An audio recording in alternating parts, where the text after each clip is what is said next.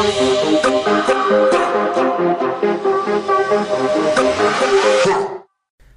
hai hai. Lu aduh, lu nggak bosen apa Mac? Hai hai hai mulu. Itu udah jadi trademark itu. Oh iya. Terus maknya podcast lain tapi. Iya. Ya. Apa kabar para warjemers di luar sana? Wes. Udah punya nama ya Warjemers. Udah dong. Jadi dari sekian ratus orang ini udah gua sebut warjemers. Oh iya. Sekarang udah ribuan loh. Ribuan ya? Masa sih? Ribuan, rib- ribuan yang tahu. Yang denger cuma ratusan. Tapi yang penting ada yang dengerin lah. Ya iyalah. Walaupun yang dengerin cuma satu dua orang kita juga tetap seneng kok. Walaupun satu dua orang ya kita. Lo kan Tuhan Yesus bilang ya kan satu dua orang berkumpul dalam namaku ya kan aku Ya. hadir. Ya, Dan Satu katanya penting. benar. Dan katanya yang penting kan kita berkarya dulu. Betul. Apalagi karyanya karya yang untuk kemuliaan nama Tuhan. Wah. Haleluya saudara-saudara. Haleluya, haleluya, haleluya. Karena kita semua hebat. Ya. Nah, gini nih, Pak. Di episode yang kali ini Hmm. kita mau bahas sesuatu yang kayaknya lagi krusial nih. Wes. Nah, Krusial. Karena ketika kita masih berada di masa pandemi ini, ada sesuatu hal yang sangat krusial ketika kita berhadapan dengan decision making atau pengambilan keputusan. Menurut gua, gereja-gereja saat ini ini sangat terlibat aktif dalam pengambilan keputusan yang kayaknya keputusan ini sering banget berubah-ubah karena kondisinya sangat tidak menentu. Nah, kita mau bahas nih, sebenarnya gereja ini caranya mengambil keputusan ini gimana supaya nggak salah mengambil keputusan. No, selama ini emang gereja ngambil keputusannya salah. Ya, namanya keputusan pasti ujung-ujungnya ada dua kan, salah ngambil keputusan atau benar ngambil keputusan, ya kan. Cuman menurut gue ya nggak semua gereja pasti akan mengambil keputusan yang benar. Dan juga banyak gereja ini juga dalam pengambilan keputusan kadang mereka ini saling mengikuti satu sama lain. Maksudnya?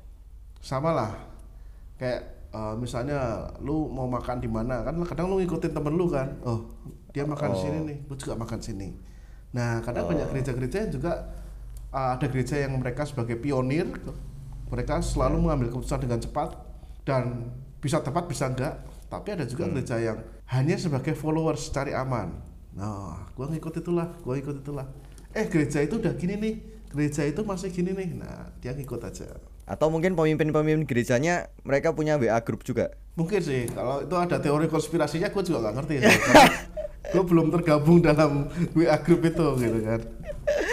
Eh, Di WA grupnya pertanyaannya gimana nih guys? Kapan nih kita ke gereja lagi nih guys? Berarti yang follower-follower cuma bilang terserah. Ya lu dulu lah, lu kan jemaatnya 5000 ribu Gua kan 500, gua ngikut aja Nah, gitu Wek. Contohnya nih, contohnya Ada gereja yang ketika di awal pandemi eh, Mereka buru-buru meniadakan ibadah onsite-nya Diganti dengan ibadah online Ya. Banyak orang ngomong gerejanya kurang iman dan sebagainya Nah, cuman setelah itu nggak lama pada ngikut semua ternyata Iya. Nah, ternyata keputusannya tepat gitu kan, walaupun di awal dicaci maki gitu kan. Betul. Dan sekarang nih ketika kita ngelihat yang kondisi-kondisi sekarang di mana new normal udah jalan, ada gereja-gereja yang mungkin kemarin udah gencar tanggal sekian mereka akan membuka gerejanya. Cuman dibuka sehari, minggu depannya tutup lagi gitu kan. Nah, Ya, Covid. COVID COVID-nya ternyata belum terkendali, ternyata belum bisa dijalankan gitu kan. Jadi ada banyak keputusan-keputusan yang diambil oleh mereka yang kadang tepat, kadang nggak tepat. Nah, gue mau nanya nih sebagai ahli pengambil keputusan nih, nggak ahli juga ya. Cuman menurut lu nih sebagai pakar ahli, eh pakar lagi. Menurut lu, Mac, kira-kira sebenarnya gereja ini mengambil keputusan seharusnya gimana sih? Yang pasti gereja kalau ngambil keputusan dasarnya Alkitab. Harus oh, iya iya iya. ya kan? Ma- ada manual booknya ya. Ya ada manual booknya. Pasti dasarnya Alkitab. Jadi bukan buku peraturan gereja. Wah harusnya Alkitab, jangan buku peraturan gereja. Kalau buku peraturan gereja lebih tinggi daripada Alkitab repot nanti. Oh, oke oke oke. Soalnya buku peraturan gereja belum dicetak banyak. Jadi nggak Oh. semua orang bisa punya. Dan tiap gereja beda-beda ya. Iya. Dan kalau buku peraturan gereja disebar ke semua orang, nanti semua orang tahu peraturannya bisa jadi perdebatan Oh. baru nanti. Ya, ya, ya. Kalau menurut gua ya, eh, gua melihat banyak hal-hal di gereja itu keputusan-keputusan gereja itu yang diambil tidak menggunakan dasar data. Oke. Yang gue lihat ya akhir-akhir ini ya, gua ikut webinar dibikin sama eh, yayasan Kristen atau gereja atau sebuah kelompok atau organisasi tertentu. Biasanya yang punya data ya itu itu lagi itu itu lagi. Ya kalau misalnya kita kita ngomong Maksudnya eh, gimana? kekristenan ya, kita ngomong kekristenan. Paling datanya nanti merujuknya ke Barna kalau di di luar negeri pakainya Barna Oh, atau atau kalau yang di Indonesia di Indonesia apa tuh Los? bilangan. Bilangan, ya kan? Datanya pakai bilangan lagi. SMRC enggak ya SMRC ya? Kalau SMRC kan nanti ini Pemilu ya? cari cari lurah. Nyari polling ketua RT. Oh iya iya iya. Oke, terus gimana gimana? Gitu. Jadi kebanyakan itu gereja-gereja tidak menggunakan data untuk pengambilan keputusan. Misalnya deh contoh deh yang- tadi udah ini kita bahas nih tentang gereja mau buka gereja onsite gitu. Kalau mau ditanya nih dasar pengambilan keputusannya apa? Kapan mau dibuka? Terus kalau mau dibuka orangnya siapa aja? Itu kan harusnya ada das- dasarnya kan dasar data dong. Kapannya itu kan menentukannya kan kapan itu harus ada dasar yang kuat. Nah, itu soalnya di, di Alkitab nggak ada tanggalnya, Mike, kapan kita harus buka gereja onsite. Nah itu soalnya yang buka nggak pakai hikmat. Coba dia doa dulu, doa dulu merem terus dia buka. Nah siapa tahu nanti ketemu, Ya. ya kan? Pada hari ke 15 bulan ke-8 Nah berarti 15 Agustus Siapa gitu. tahu dia buka ya harus 3 16, berarti 16 Maret loh. Masih lama berarti. Oh iya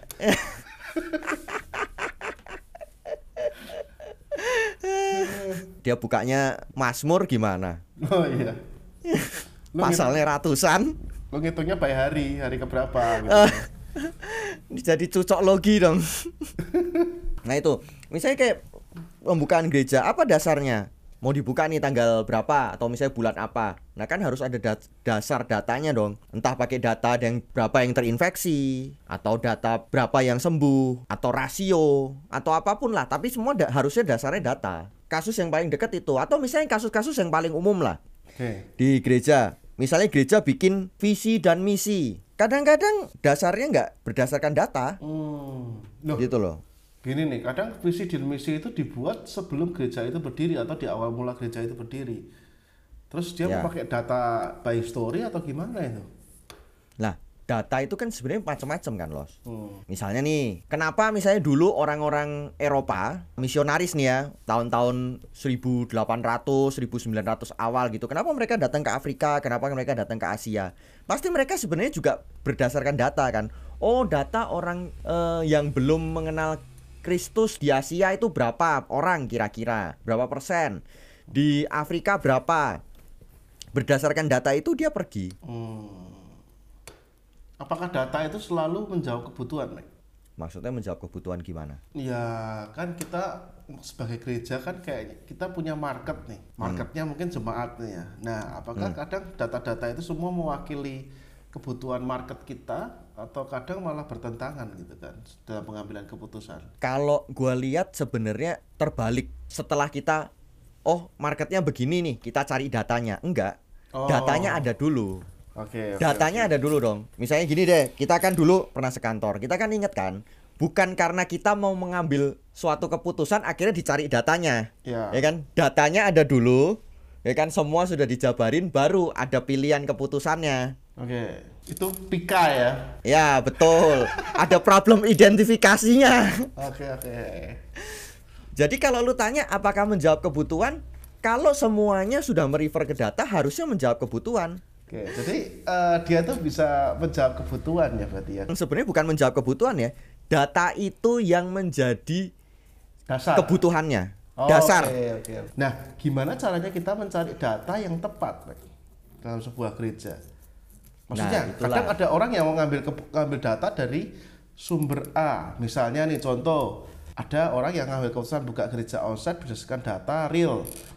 Berapa yang terkena, berapa yang sudah sembuh, kurvanya gimana, atau ada yang cuma ngambil data dari surat keputusan, surat keputusan Ya. pemerintah lah, atau eh, sistem zonasi dan sebagainya. Itu menurut lu sebenarnya gimana kita bisa punya hikmat menentukan mana data yang harus kita pakai? Ini menurut gua ya dari pengalaman gua di kantor ya. Data yang dipakai adalah data yang paling netral. Data yang belum diolah. Jadi data itu kan ada raw data nih, data mentah. Raw data tuh gini misalnya. Jemaat yang datang di hari Minggu ya kan sekian ribu. Perempuan sekian ribu, laki-laki sekian ribu, anak-anak sekian ribu. Nah, itu raw data, raw data yang bisa dicari. Oke. Ya kan? Yang didapat. Oke. Nah, dari raw data banyak ini kita bisa olah menjadi knowledge misalnya. Oke, kalau gitu berarti setiap hari Minggu sekian persen adalah perempuan. Sekian persen adalah laki-laki, sekian persen adalah anak-anak. Oke. Nah, kita mau kejar lagi nih. Sebenarnya anak-anak ini anak-anak siapa? Apakah anak-anak orang yang datang atau anak-anak datang lagi? Nah, itu knowledge-nya kita kita dalemin lagi, kita dalemin lagi sampai nanti akhirnya menjadi sebuah informasi. Oh, ternyata setiap hari Minggu yang datang sekian ribu ini, yang keluarga sekian bawa anak-anak ini. Informasi-informasi inilah yang akan menjadi pilihan-pilihan keputusan. Ya kan ada informasi A, B, C, D, E. Nah, kita akan membuat keputusan ya berdasarkan informasi-informasi ini. Kalau gue simpulin nih, berarti sebenarnya kita harus ngambil data seraw mungkin ya, sementara mungkin sehingga kita bisa lebih mengolah itu dengan tanpa eh, apa ya gangguan pengolahan data yang mungkin tidak tepat. Betul. Jadi raw data yang kita punya, kita olah untuk kepentingannya kita. Oke. Ya Bukan kan? kepentingannya Kalau misalnya- orang lain ya. Betul, karena knowledge data atau informasi atau keputusan yang dijadikan data buat kita itu sudah terdistorsi ya kalau bahasa lo tadi terdistorsi kepentingannya mereka. Misalnya deh kalau misalnya pemerintah bu kita pakai data keputusan pemerintah, ya kan? Oke zona hijau, merah gitu kan. Nah mereka kan punya kepentingan ketika memutuskan itu, ya kan? Punya pertimbangan lah bukan kepentingan ya, pertimbangan ketika memutuskan itu. Di mana pertimbangannya belum tentu cocok sama kita.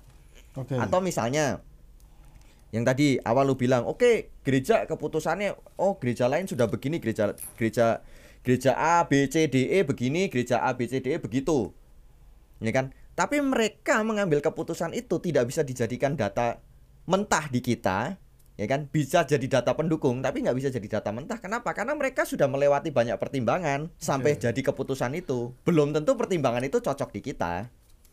Wah, mantul sekali.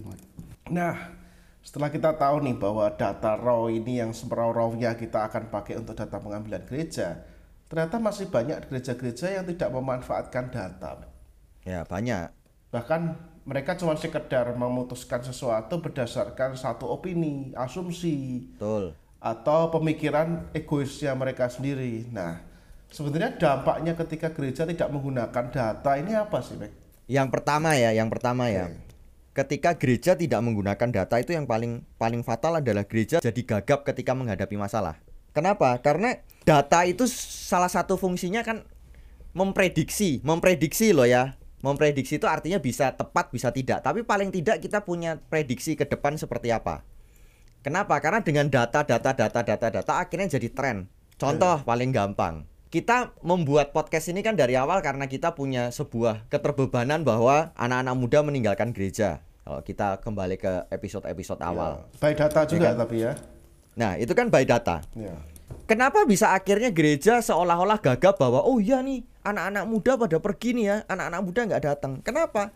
Karena tidak terbiasa dengan melihat tren data. Coba ini dilakukan lima tahun ke belakang, gitu kan? Setiap kali kita mulai aware dengan data. Seharusnya hari ini tidak muncul isu ini karena semua sudah diantisipasi. Contoh paling konkret ada satu gereja misalnya, anak-anak mudanya tiba-tiba udah sama sekali tidak ada atau sangat kecil dari yang tadinya punya ibadah anak muda jadi tidak punya ibadah anak muda karena tidak ada yang datang. Terus hari ini semua ribut semua. Oh gimana nih kenapa anak mudanya begini-gini nih? Misalnya hal ini dibaca trennya sudah dari tiga tahun atau lima tahun sebelumnya. Hari ini tidak muncul itu, tidak ada kegagapan masalah itu karena semua udah, di- udah dilihat trennya pasti turun kok. Yang kedua, keputusan-keputusan gereja menjadi tidak relevan di masa sekarang atau masa yang akan datang. Oke. Contohnya. Gimana? Nah, contohnya misalnya ada gereja yang melakukan kegiatannya based on program misalnya. Oke, sudah diprogramkan satu tahun. Dan tiap tahun sama ya. Nah, pertanyaannya kenapa tidak dibuat berbeda? Ya kan? Bisa jadi karena Berbeda Memang. dong. Temanya beda. ya Bicaranya beda. ketikannya beda. Ya. Yang paling beda anggarannya beda. Ya, naik terus tiap tahun ya. Tiap tahun naik. Betul sekali. Kecuali tahun ini karena Covid. Dan tahun depan. karena dananya belum ada. Oke. Nah, keputusan-keputusannya menjadi tidak relevan. Kenapa? Karena tidak menggunakan dasar tren misalnya. Bikin program, apakah program itu relevan sama keadaan hari ini atau keadaan tahun depan? Belum tentu, karena tidak punya data itu tadi. Kalau misalnya semuanya relevan, tidak ada lagi pembicaraan bahwa anak muda meninggalkan gereja kan? Ya. Karena semuanya sudah dipikirkan atau diantisipasi dari awal. Nah, yang ketiga, ini paling penting di gereja Oke. dampak ketika tidak menggunakan data adalah tingkat subjektivitas yang tinggi. Oke. Sebuah keputusan dasarnya opini itu tadi. Opini itu kan subjektivitas dong. Nah, ini gua mau harus sedikit nyangga nih, Mike. Kalau yang subjektivitasnya ada subjektivitas hamba Tuhan yang dia klaim bahwa dia mendengar suara dan visi dari Tuhan. Saya mendengar bisikan Roh Kudus yang ternyata bisikannya berbeda dengan hasil data ini tadi. Terus gimana itu? Ini ya, itu kalau udah kayak begitu, Ya. itu sebenarnya udah nggak ada lawannya. ya kan? Itu Oke. itu lu ingat gak kalau dulu waktu kecil, Yes. ya kan? Kalau misalnya kita lagi main gitu kan, Hmm. sama teman lu jadi apa? Wah gue jadi jagoannya. Ya. gue jadi penjahatnya. Wah jagoannya siapa? Wah kita milih-milih jagoan. Yang paling menang kalau jadi apa? Hmm. kalau dia milih jadi Tuhan gue jadi Tuhan aja. Udah selesai udah. Tidak ada lagi permainan itu selesai. Ya kan? Ketika seorang menjadi Tuhan ya sudah selesai udah Berarti Nah. nggak boleh playing God ya berarti ya. ya nggak boleh playing God ya gue tidak tidak Padahal banyak Apa? yang playing God ya zaman sekarang ya. Ya betul. Oke. Ya gua tidak menghakimi bahwa mungkin saja memang betul bahwa dia mendapat pewahyuan Ya. atau visi Oke. dari Tuhan melalui Roh Kudus gitu. Tetapi, tetapi Alkitab juga bilang segala sesuatu harus diuji. Oke. Satu, yang namanya visi dari Tuhan pasti tidak bertentangan dengan firman-Nya, pasti tidak bertentangan sama Alkitab. Betul dong. Yes, Betul. namanya namanya visi dari Tuhan tidak mungkin melanggar apa yang dia sudah firmankan karena Tuhan Oke. itu konsisten. Oke. Kedua, kita bisa menguji ya dengan data ini, Oke. ya kan? Jadi ada sumber lain yang kita bisa jadikan dasar pertimbangan. Oke. Jadi seharusnya kalau benar visi dari Tuhan semuanya sebenarnya tidak saling bertentangan. Satu lagi sih menurut gua, yang namanya kita melihat data itu sudah pasti itu sebenarnya juga visi dari Tuhan. Maksud gua gini lah, hari ini tiba-tiba di satu gereja anak mudanya hilang, habis gitu misalnya. Ya kan dari yang ratusan tinggal puluhan atau mungkin tinggal belasan. Terus eh, kita tanya nih sama Tuhan, Tuhan kenapa bisa jadi seperti ini? Tuhan tolong, kenapa semuanya menjadi berantakan? Ya mungkin Tuhan juga nanya, lah dari kemarin-kemarin lu ke mana? Dari 300 waktu jadi 200, waktu jadi 150 lu ke mana? Emang lu nggak lihat datanya? Kita kan dikasih hikmat juga Yes. untuk Itu untuk ada- menimbang. Bilangan bikin webinar lo ke mana? Nggak pernah lihat lo. bilangan buka- nggak ada Tuhan. bilangan bikin buku sekarang di promo masa pandemi dulu gua beli lebih mahal eh malah curhat ya. sekarang masa pandemi di diskon lo ke mana aja lo nggak beli dong. Yang terakhir itu menghindari subjektivitas lah. Sehingga tidak lagi keputusan-keputusan berdasarkan opini atau sesuatu yang tidak bisa dipertanggungjawabkan secara ilmiah gitu. Maksud gue gini deh, paling gampang ya. Ini ini contoh nih, ada cewek. Si A, si B, si C, si D bilang oke dia cantik, ada yang bilang jelek, ada yang bilang biasa aja. Sekarang bagaimana kita bisa bilang bahwa ini cewek sebenarnya gimana? Karena kan itu subjektif kan. Yang bilang cantik, yang bilang biasa aja sama yang bilang jelek itu kan nggak ada dasarnya. Berarti si cewek ini mukanya harus didatakan gitu loh maksud gua. Supaya semuanya menjadi objektif. Oke, oke. Di sini mu- perempuan dengan mata diameter 2 cm. Si wanita ini wanita dengan lebar mulut maksimal ketika tersenyum adalah 15 cm. Itu datanya ya. Iya. Ya? belas senti 15 cm joker, Pak.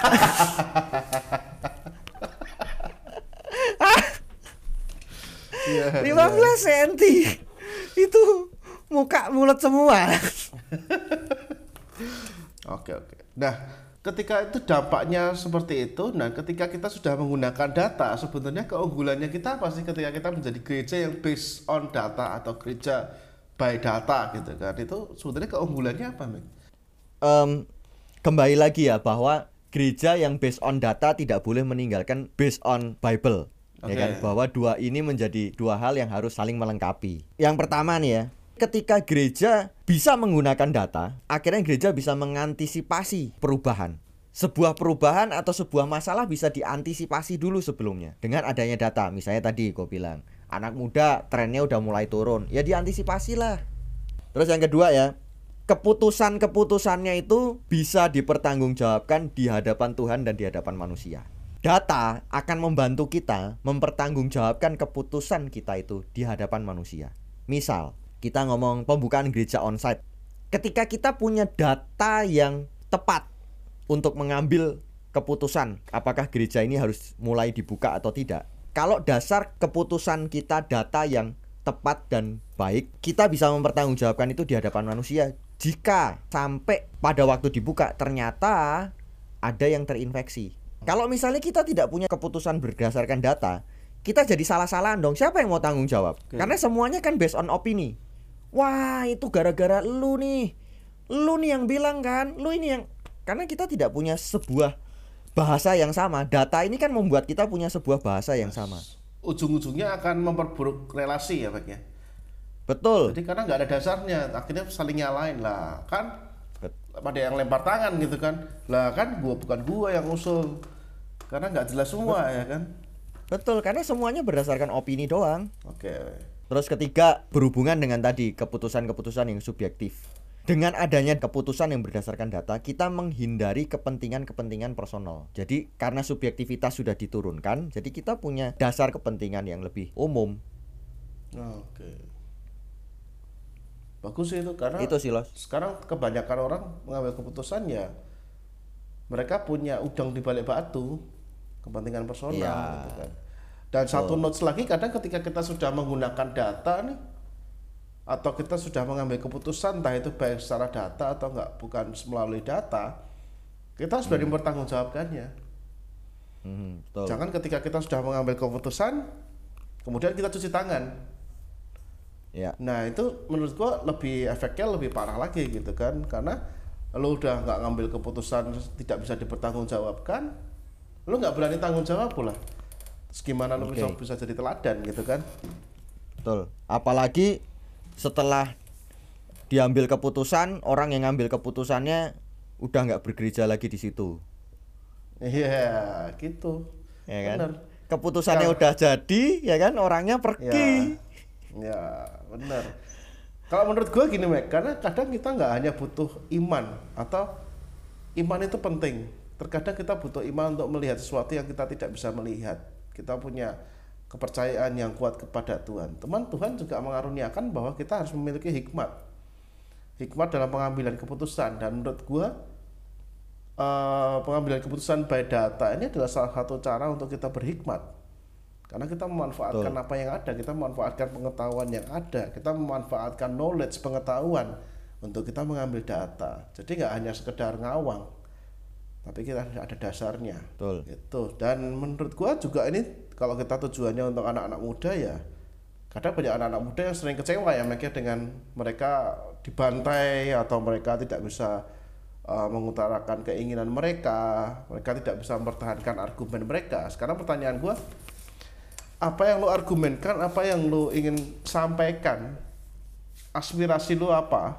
Itu lu ngomong based on opini juga atau lu ngomong by data kadang anak-anak muda juga se- se- sembarangan ngomong meminta sesuatu yang ya itu tanpa data ngomong aja pengen gua gini ya sebenarnya sama sebenarnya antara yang kalau kita ngomongin intergenerational sama yang tua juga punya egonya yang muda juga punya egonya akhirnya nggak ketemu nah kita harus disatukan di tengah dengan data berbicara dengan data Betul. Karena data itu kan bahasa yang sama kan, Los? Yes, benar.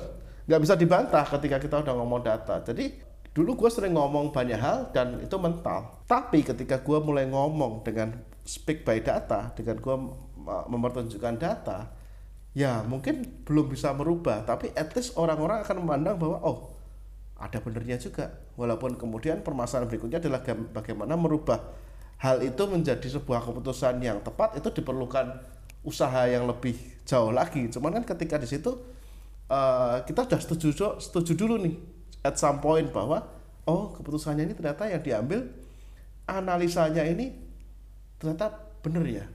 Ternyata menunjukkan seperti itu ya. Oh ternyata datanya oh. gini ya. Jadi membuka mata banyak orang terlebih dahulu ketika kita berani speak by data gitu kan. Oke deh pembicaraan kali ini kayaknya cukup sekian ya Mike ya. Cukup berat juga kayaknya hari ini. Dah terlalu lama kita ngobrolin yang ringan-ringan. Kayaknya hari ini lumayan berat lagi ya berarti minggu depan dua minggu lagi jatahnya yang ringan Betul. lagi nih kayaknya Oke deh, teman-teman semua Warjemers, sampai jumpa di Warjem episode berikutnya.